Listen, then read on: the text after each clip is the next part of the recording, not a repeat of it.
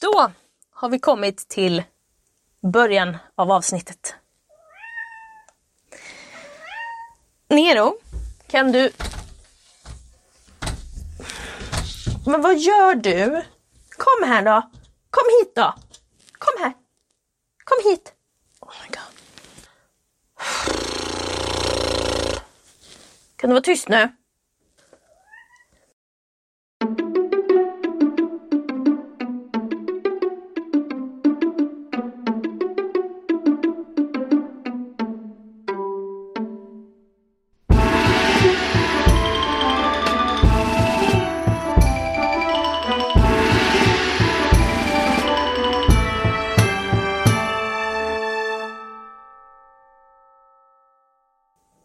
Hallå hallå! Välkomna till ännu ett avsnitt av Podius Castus, en podd om antiken. Jag som pratar idag heter Emily och befinner mig i min klädkammare. Jag hade gärna haft ett glas vin i handen, men dessvärre har jag inget vin hemma. Det var dålig planering tycker jag. Ja, ja, jag tror vi ska klara av det här ändå. Så, vad är det vi ska lyssna på idag? Jo, det här är den första delen i en tredelad serie av referensavsnitt kallade Vad är antiken egentligen? Så vad är antiken? När är antiken? Vad är antiken? Hur är antiken?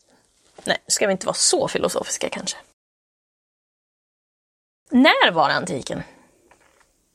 Jo, Antiken börjar ungefär 3000 före vår tideräkning. Alltså för 5000 år sedan. Inte helt dåligt skulle jag säga. Och tar slut, det här är också moderna termer. Enligt de moderna termerna, enligt den moderna historien, tar antiken slut 476 efter vår tideräkning. Med Västroms fall. Och var rör vi oss då under antiken?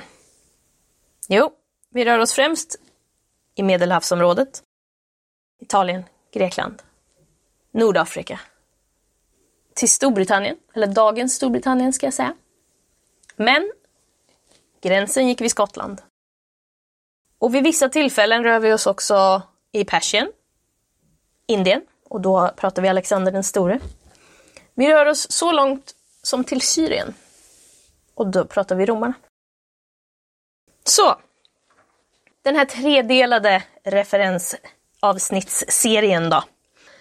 Avsnitt 1 som vi kommer prata om idag, det kommer beröra Grekland. Avsnitt 2, där pratar vi romerska republiken. Och avsnitt 3, då pratar vi romersk kejsartid. Vid andra tillfällen kommer vi prata till exempel om Egypten, Persien och så vidare. Eftersom det finns mycket intressant där också. Om ni hörde det där så var det min katt som ville ha uppmärksamhet. Ja, eh, vi kan börja lite med historiebenämning generellt. För att det finns vissa termer man kan prata om. Och de termerna kan vi applicera på olika geografiska områden vid olika tider. De är alltså definierade av sin plats och ett visst tidsspann. Vi kan prata förhistoria, vilket vi kommer göra. Eh, det är alltså innan man har skriftliga källor. Och sen pratar vi historia och då har vi skriftliga källor. Det är alltså definitionen på det här. Men det är ju klart att svensk förhistoria är ju inte samtidigt med romersk förhistoria till exempel. Eftersom vi har olika utveckling. Och det är därför de här tidsspannen då, för förhistoria och historia är olika på olika platser. Och det är därför tidsåldrarna också skiljer sig åt. Och när vi pratar tidsåldrar då menar vi bronsålder, järnålder och så vidare. Och de här tiderna, det finns ju i Sverige. Men då rör vi oss flera tusen år efter vi rör oss eh, i antiken. Och de här tidsåldrarna då, som ni kanske har listat ut redan, de är döpta efter eh, redskap i respektive metall. Så under bronsåldern så gjorde man främst eh, redskap i brons och under järnålder då kom man på järnet. Men man slutade inte använda brons för det. Och som jag redan har nämnt, men det tåls att nämnas igen, det här är alltså moderna historiografiska kronologiska begrepp. Vi har alltså hittat på dem. Så enkelt är det.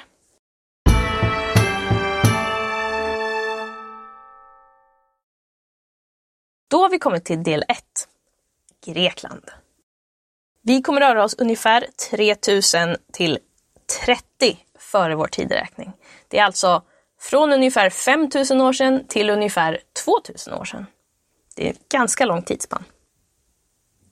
Och när vi pratar Grekland, och vi pratar grekisk bronsålder främst, då kommer vi ge exempel på platser connectat till en viss tidsålder. Bronsålder då, grekisk bronsålder. Ungefär 3000 till 1050 före vår tideräkning. Man kan också säga ungefär 1200 före vår tideräkning. Det beror på när man räknar med att bronsålderssamhällena går under, så att säga, om man nu ska vara dramatisk. Var är vi då? Jo, vi är på det södra grekiska fastlandet. Exempelvis Peloponnesos. De kallas för mykenare. På Kreta har vi minoer. Och kykladerna, det är ögrupper i Egeiska havet. Tidig bronsålder är från ungefär 3000 till 2300 före vår tideräkning. Och mellanbronsåldern är från 2300 till 1800 före vår tideräkning ungefär. Vi gör det här referensavsnittet så att ni kan komma tillbaka till det. Ni behöver inte minnas det här, men ni ska ha ett hum om ungefär när vi rör oss. Mellanbronsåldern. Ungefär 2300 till ungefär 1800 före vår tideräkning. Vi har någonting vid den här tiden som kallas för palatskultur. Och om ni minns vad jag sa så har vi Minoer som var på Kreta. Och vi har Mykene som var på Peloponnesos. På fastlandet alltså. Så vad är då palatskultur? Det här är femte gången jag försöker för att jag har en katt som står och skriker på mig. Vad är roligt åt det? Nu ligger han här och fläker ut sig. Tycker att han är jättegullig. Vilket han är tyvärr. Oh. Palatskultur. Jo. Det är monumental arkitektur där samhället är uppbyggt runt palats. Och när vi säger palats, vi vet egentligen inte helt hur de såg ut och hur fancy de var. För när man tänker ordet palats så tänker man ju säkert jätteextravagant och, och fancy. Vi vet inte. Men det är ganska imponerande eh, ruiner man har hittat i alla fall. Och de här palatsen, de hade en central ekonomisk funktion. De var alltså administrativa centra. Det var där man hade förråden. Alltså man förvarade grödor, man förvarade olika typer av mat och så vidare. Och så vidare. Allting skedde därifrån centralt, helt enkelt. Minoiska Kreta. De var aktiva ungefär 2000 till 1400 före vår tideräkning. De rör sig in i sen bronsålder, men de går under. Och ni minns att jag sa att mellanbronsåldern är till 1800 före vår tideräkning ungefär. Och de här palatsen då på Kreta, de förstörs mellan 1450 och 1400 före vår tideräkning. Vi vet inte exakt vad det är som har hänt. Men vi vet att Mykene, de utnyttjar situationen, om de nu inte har förstört de här palatsen själva. Man var ju inte jättekompisar under antiken. Och när vi pratar, det, det som definierar bronsåldern förutom då själva bronset, det är att man har skriftspråk. Om man har någonting som kallas för linjär A vid den här tiden. Det är den äldsta skriften i Europa. Men man har faktiskt inte lyckats tyda det och det är så himla coolt tycker jag. Men man antar att det mest är listor, kvitton, inventarier, kontrakt och religiös skrift. Och det vet vi på grund av texten som kom efter, linjär B. Som vi har lyckats tyda. Och man skrev, man skrev inga epos, alltså långa berättelser, vid den här tiden. Det var lite kort om mellanbronsåldern där. Nu kommer vi in i sen bronsålder. Då rör vi oss ungefär 1800 till mer eller mindre 1050 före vår tideräkning. Och Mykene då, som låg på Peloponnesos, de har samma typ av palatskultur som minoerna har. Skillnaden, det var att minoerna, de, mycket fokus låg runt en central gård. Medan mykenarna, de hade en stor byggnad som hette Megaron. Och det var en rektangulär byggnad som hade en härd i mitten. Så att även fast bägge kulturerna, det var, handlar ju om att samlas då, då såklart, så gjorde man det på olika sätt. Och nu kommer det här linjär B.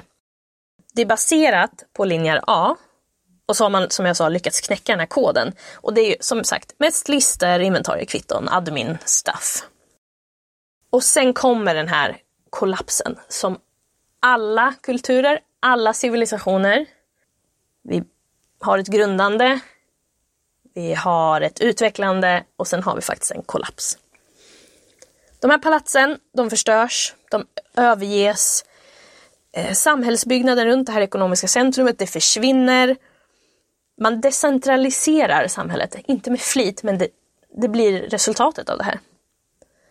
Palatskulturen försvinner alltså.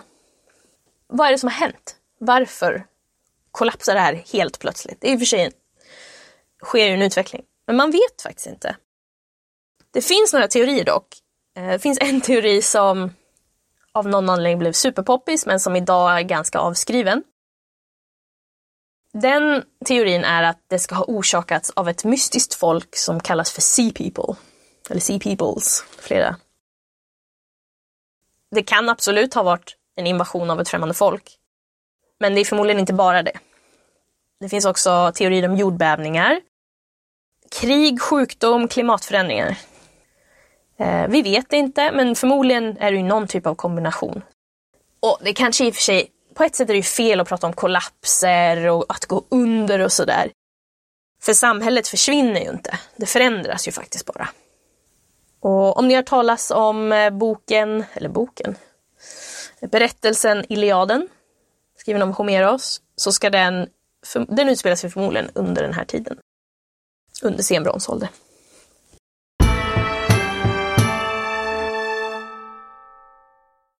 Så, vad kommer efter bronsålder? Jo, järnålder. Och då är vi 1200, 1050 före vår tideräkning till ungefär 800 före vår tideräkning. Och precis som medeltiden så kallar man det för en mörk tidsålder. Man saknar skriftliga källor och det är mindre samhällen. Som sagt, den antika medeltiden, mer eller mindre. Och nu pratar vi om två tidsåldrar som kallas för protogeometrisk tid, alltså tidig geometrisk tid, och geometrisk tid. Och geometrisk tid är i slutet av den här mörka tidsåldern. Och det är helt enkelt moderna begrepp där vi har döpt tidsåldrarna efter mönstret på keramiken man gjorde. Mycket cirklar, mycket jämnt. Väldigt fint faktiskt. Inte så mycket att säga om de här tidsåldrarna, för vi har inte så mycket information. När man saknar skriftliga källor och det är mindre samhällen, då har vi liksom inte, det finns inte så mycket arkeologiska bevis. Det blir väldigt svårt.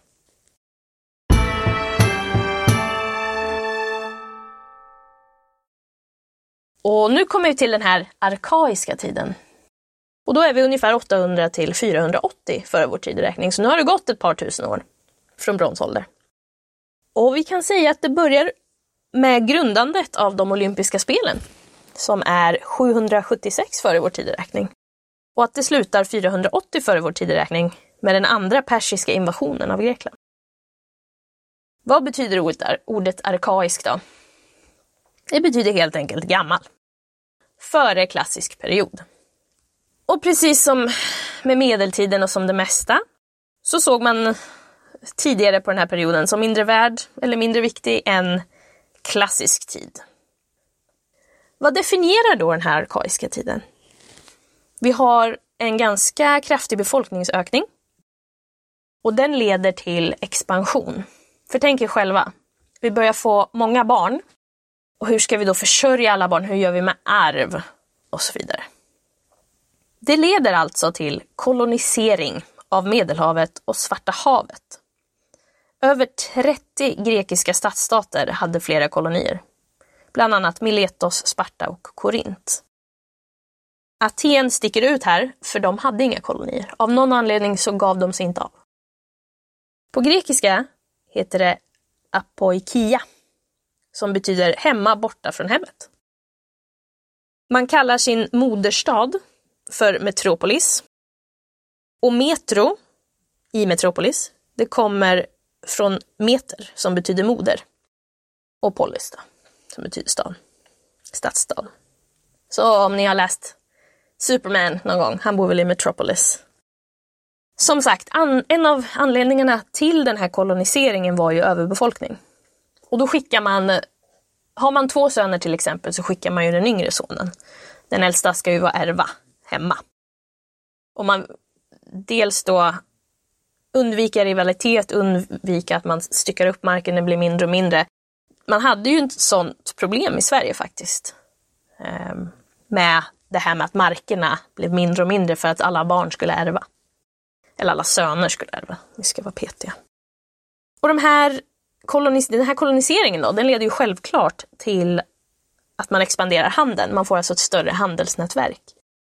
Och det leder också till politisk utveckling. Den här urbaniseringen, den leder ju också som sagt till att polis, de här stadsstaterna, de växer fram. Och de som är starkast och störst är Aten, Sparta, Korint och Thebe. Nu kommer vi också till en eh, ganska hög period av eh, vasmåleri. Man utvecklar det som kallas för svart och rödfigurigt vasmåleri. Och svartfigurigt vasmåleri, det är en svart färg, eller slipp kan man säga, som man har lagt på den röda vasen och så har man ristat i den. Sen har man bränt. Och rödfigurigt, då är det tvärtom, då målar man eh, konturerna istället. Eftersom att vasen är röd så målar man med svarta eh, konturer. Googla det här, det är faktiskt jättefina vasmålningar. Och det är nu det sker. Nu kommer man med det grekiska alfabetet. Och nu börjar man skriva berättelser. På 700-talet, före vår tideräkning, så kommer Homeros. Den första kända europeiska poeten. Och han har alltid varit och är fortfarande väldigt viktig för klassiska studier, alltså studiet om antiken och de antika språken. Man tillskriver honom Iliaden och Odysseen. Det råder väldigt delade meningar om det här. Det är förmodligen muntliga traditioner eller muntliga berättelser som har förts vidare under en väldigt lång tid. Och sen om det var en person, Homeros, eller om det var flera som har författat de här och skrivit ner dem. Och det, det är förmodligen så det har gått till. Då. Iliaden utspelar sig under Trojanska kriget. De grekiska kungadömena har haft en tio år belägring av staden Troja. Och jag antar att ni har talat om, eller kanske sett till och med, filmen Troja med Brad Pitt. Plockat russinen ur kakan där och gjort den väldigt dramatisk, men eh, grekerna bygger en fin häst, klättrar in, blir inbjudna in i staden, bryter sig ur den där hästen och tänder eld på hela alltihopa. Odysseen då, som är uppf uppföljare, kan man inte ens säga att det är en uppföljare. Men Odysseen fokuserar på en, återigen, nu är det tio år igen, eh, en tioårig resa eh, där Odysseus försöker ta sig hem. Han är kung på Ithaka. Och han är med och besegrar trojanerna och sen då ska han hem.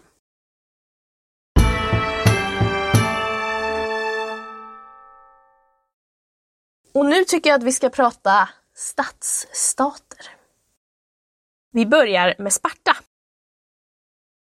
De arkeologiska bevisen, om vi nu ska prata bevis, faktiska bevis, så visar de att Sparta har varit ett betydande eh, bronsålderscentrum faktiskt.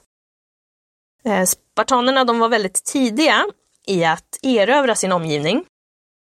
Och de, de la under sig hela Lakonien, och det är det området där Sparta ligger. Då. Och eh, Aten ligger i Attika. Googla fram en karta, det är lättast så. Och de här eh, lakonierna då, som blev erövrade, då fanns det några som var, kan man kalla dem lyckosamma. Perioikerna, eh, de levde i självständiga samhällen och betalade tribut då till Sparta och gjorde militärtjänst. De hade dock ingenting att säga till om i hur man styrde. De mindre lyckosamma lakonierna, det var de så kallade heloterna. De blev helt enkelt statsägda slavar. De fick gifta sig och levde i egna samhällen, men de var väldigt starkt begränsade i vad de fick göra. Och många antika författare var överens om att helotskapet var egentligen det grymmaste av alla lagsystem. Delvis för att varje år så förklarade Sparta rituellt krig mot heloterna. Och varje man som dödade en helot blev i och med det här religiöst renad. Heloterna försökte självklart göra revolt när de kunde. Eh, och Sparta var ju rädda för det här. Liksom. För att heloterna var förmodligen kanske femdubbelt så många. Eh, och det formade ju som sagt alltså varje aspekt av samhället, gå runt i rädsla liksom. I och för sig, de var förtryckarna men... Sen har vi de spartanska medborgarna. De kallas spartiater. Och då, som svar på det här hotet hela tiden om uppror från eh, heloterna, så var spartanerna soldater på heltid. Och man militariserade samhället in i minsta detalj. På 700-talet före vår tideräkning så kommer en befolkningsökning och den sätter press på resurserna såklart. Alltså, vi har en viss yta att odla på, vi odlar en viss, visst antal eller viss mängd mat varje år. Det börjar, börjar bli lite många nu. Spartanerna de skickar inte ut kolonier eller skickar inte ut folk på att kolonisera. Eh, men de bildar en, Taras, som är det moderna Tarento. Till skillnad från de många andra stadsstater så förlitar man sig på erövring hemmavid. Det är inte så konstigt i och för sig att tänka sig om man har ett samhälle som är så pass militariserat. Satsa där ute. Man erövrar eh, Messenien, som ligger vid den västra gränsen. Hur styr vi Sparta då, då? Eller hur styrde man Sparta? Det var en oligarki, alltså fåmannastyre. På 500 mitten på 500-talet före vår tidräkning, då, då överger spartanerna sin, eh, den här politiken av erövringskrig. Men då börjar man istället stötta oligarkier i andra städer och så bygger man militärallianser med dem istället.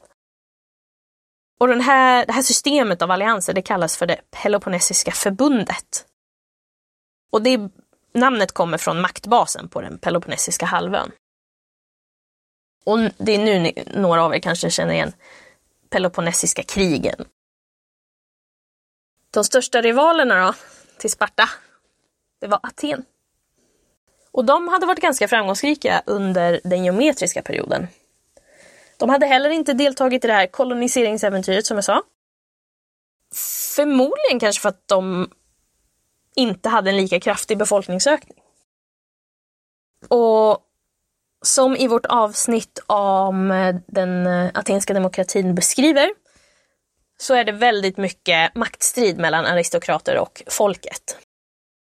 Och det resulterar i att en medborgare vid namn Solon, det här är tidigt 500-tal före vår tideräkning, eh, han får utökad makt för att göra någonting åt den här maktstriden.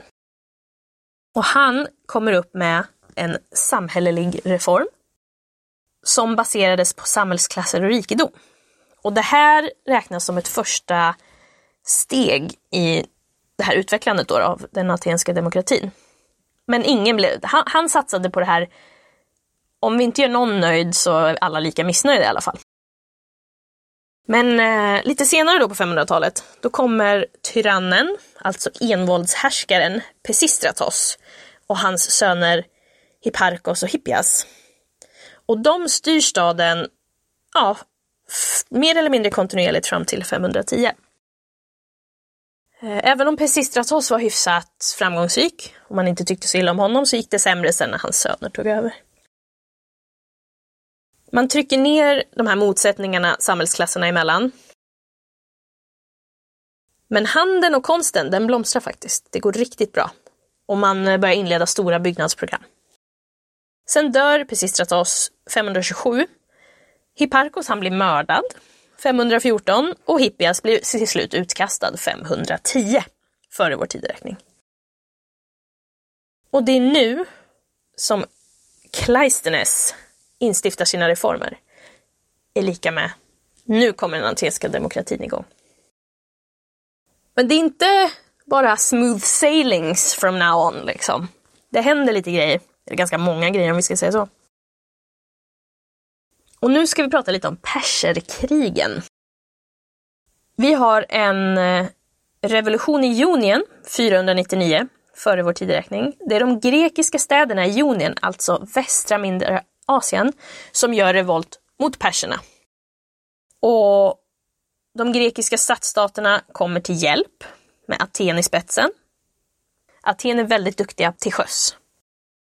De anfaller en stad som hette som hette Sardis, som var huvudstad för den persiska för det persiska satrapien, alltså lydkungadömet. Och så bränner de ner. De bara bränner ner den helt enkelt.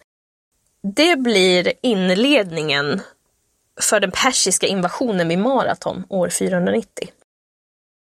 Och där finns Hippias med på den persiska sidan.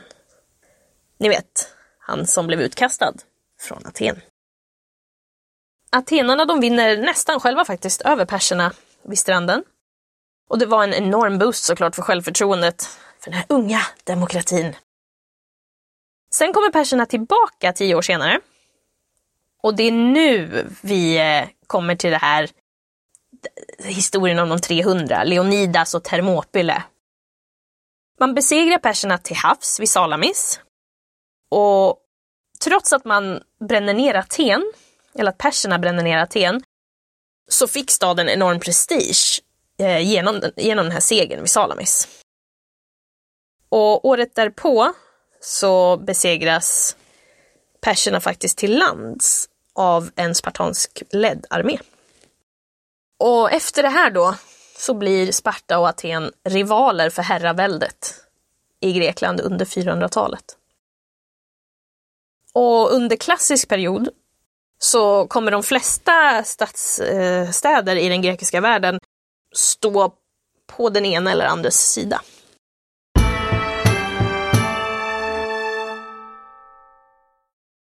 Då har vi kommit till klassisk tid. Och klassisk tid är ungefär 479 till 323 före vår tideräkning. Ungefär från perserkrigens slut tills dess att Alexander den store dör. Och som sagt är det konkurrensen mellan Aten och Sparta som formar den här perioden. Sparta försökte ta täten efter perserkrigen och så misslyckas de och drar sig undan. Eh, och då får Aten kontroll över alliansen som bildats mot perserna.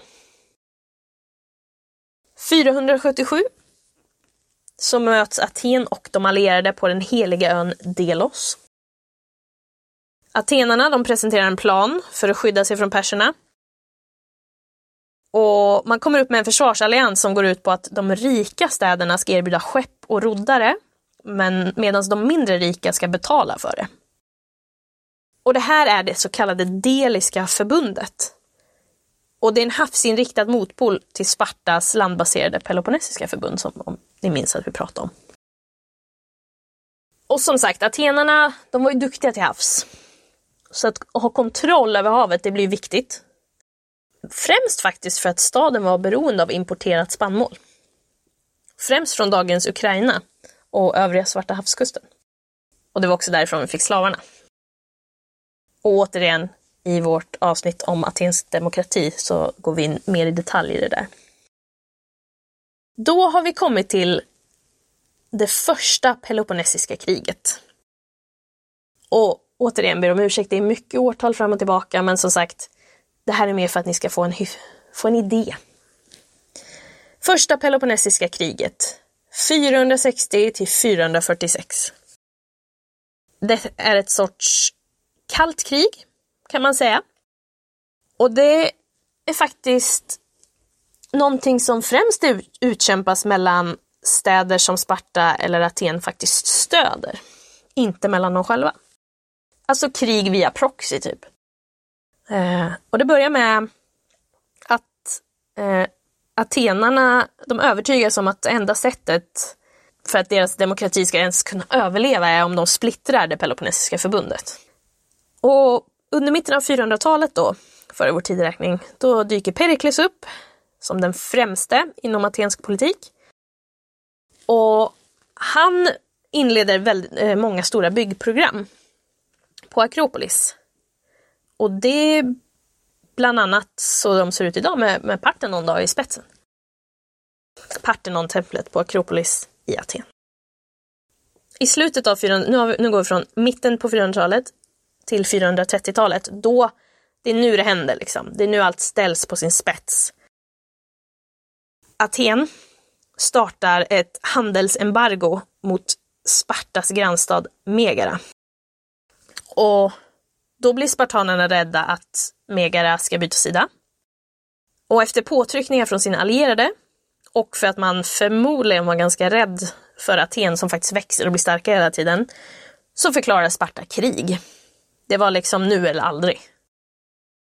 Och då är vi på det andra Peloponnesiska kriget som eh, faktiskt utkämpas under väldigt lång tid. 431 till 404 före vår tideräkning.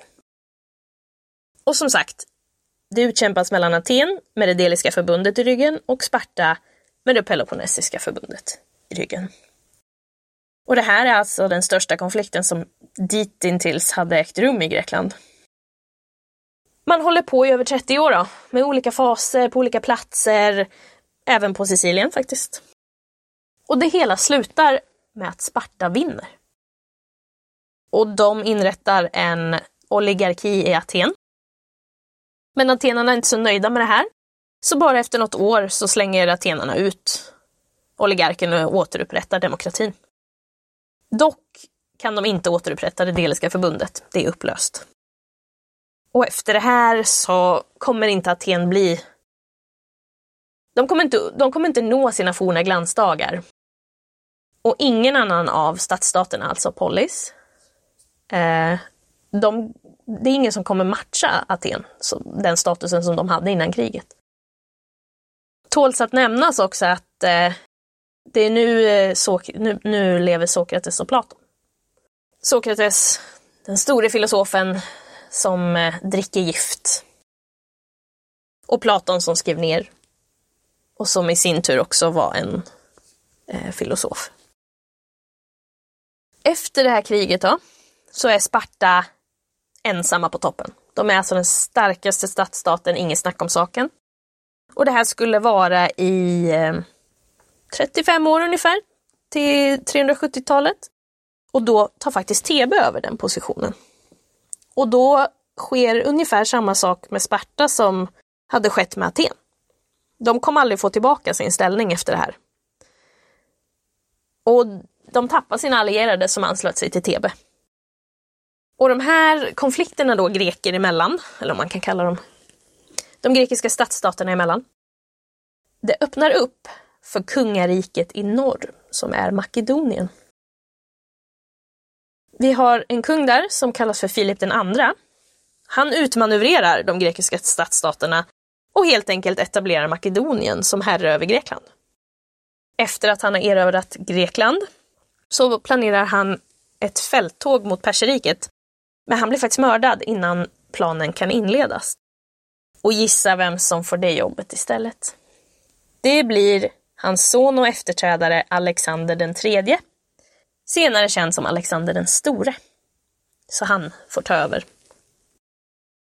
Alexanders lärare var Aristoteles, en filosof, som var Platons student faktiskt. Alexander, han omkullkastade persiska riket på fyra år. Rakt upp och ner. 334 till 330, gör processen kort med dem. Han försöker sig på en expedition mot Indien sen, men han eh, måste vända tillbaka vid floden Indus faktiskt.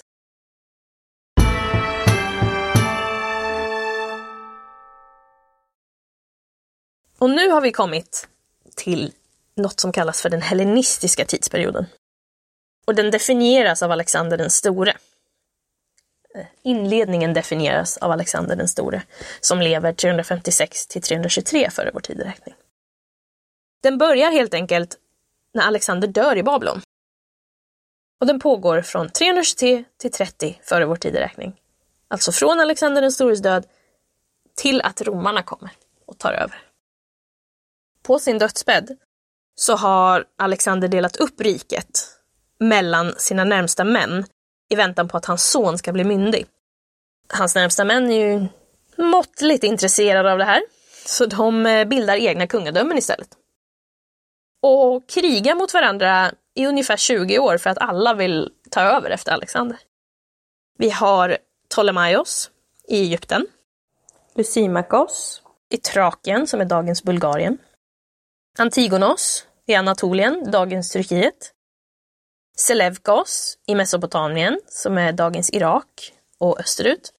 Och sen har vi Kassander som tog Makedonien och Grekland. Men ingen av de här lyckas erövra de andra. Antigonos kom närmast, men då allierar sig de andra emot honom. Och det sker fram och tillbaka i olika konstellationer. Till slut då, så nöjer man sig med att ha sin del av kakan. Det är en, någon sorts status quo upprätthålls. Och det här leder ju då till att det grekiska blir mycket mer kosmopolitiskt än tidigare, när de bara var separata stadsstater. Och de, de försvinner ju helt enkelt. Polis, alltså stadsstaterna, de försvinner. Nu är det istället stora kungadömen som influeras av, av det grekiska. I språk, i konst, kultur, seder, traditioner. Och de här olika kungadömena anammar det här. Och man tar över den här persiska modellen med kungar och kungadömen istället då för den här klassiska modellen med stadsstaterna. Och varför det kallas för hellenistisk tid? Jo, det kommer från Hellas, som är namnet på Grekland. Och det är där definitionen då kommer. De här eh, kungadömena, eftersom allt blir kosmopolitiskt och allt blir mer influerat av, av varandra och, och utifrån och inifrån, så blir det en mångfald i det grekiska på ett sätt som, som aldrig har funnits innan. Och man utvecklar vetenskapen, man grundar biblioteket i Alexandria. Konsten blir mer uttrycksfull och mycket friare. Och det blir mer rörelse i skulpturen eh, jämfört med det, med det klassiska som har varit ganska strikt faktiskt. Och sen kommer Rom.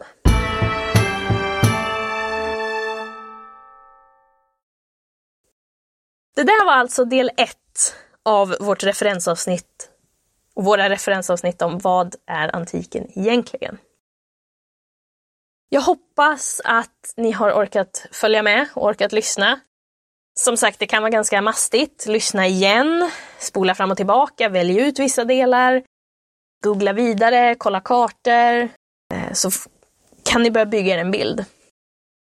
Och jag som pratar idag heter Emily och nästa gång kommer vi prata om den italiska halvön och den romerska republiken. Tack för idag och på återhörande!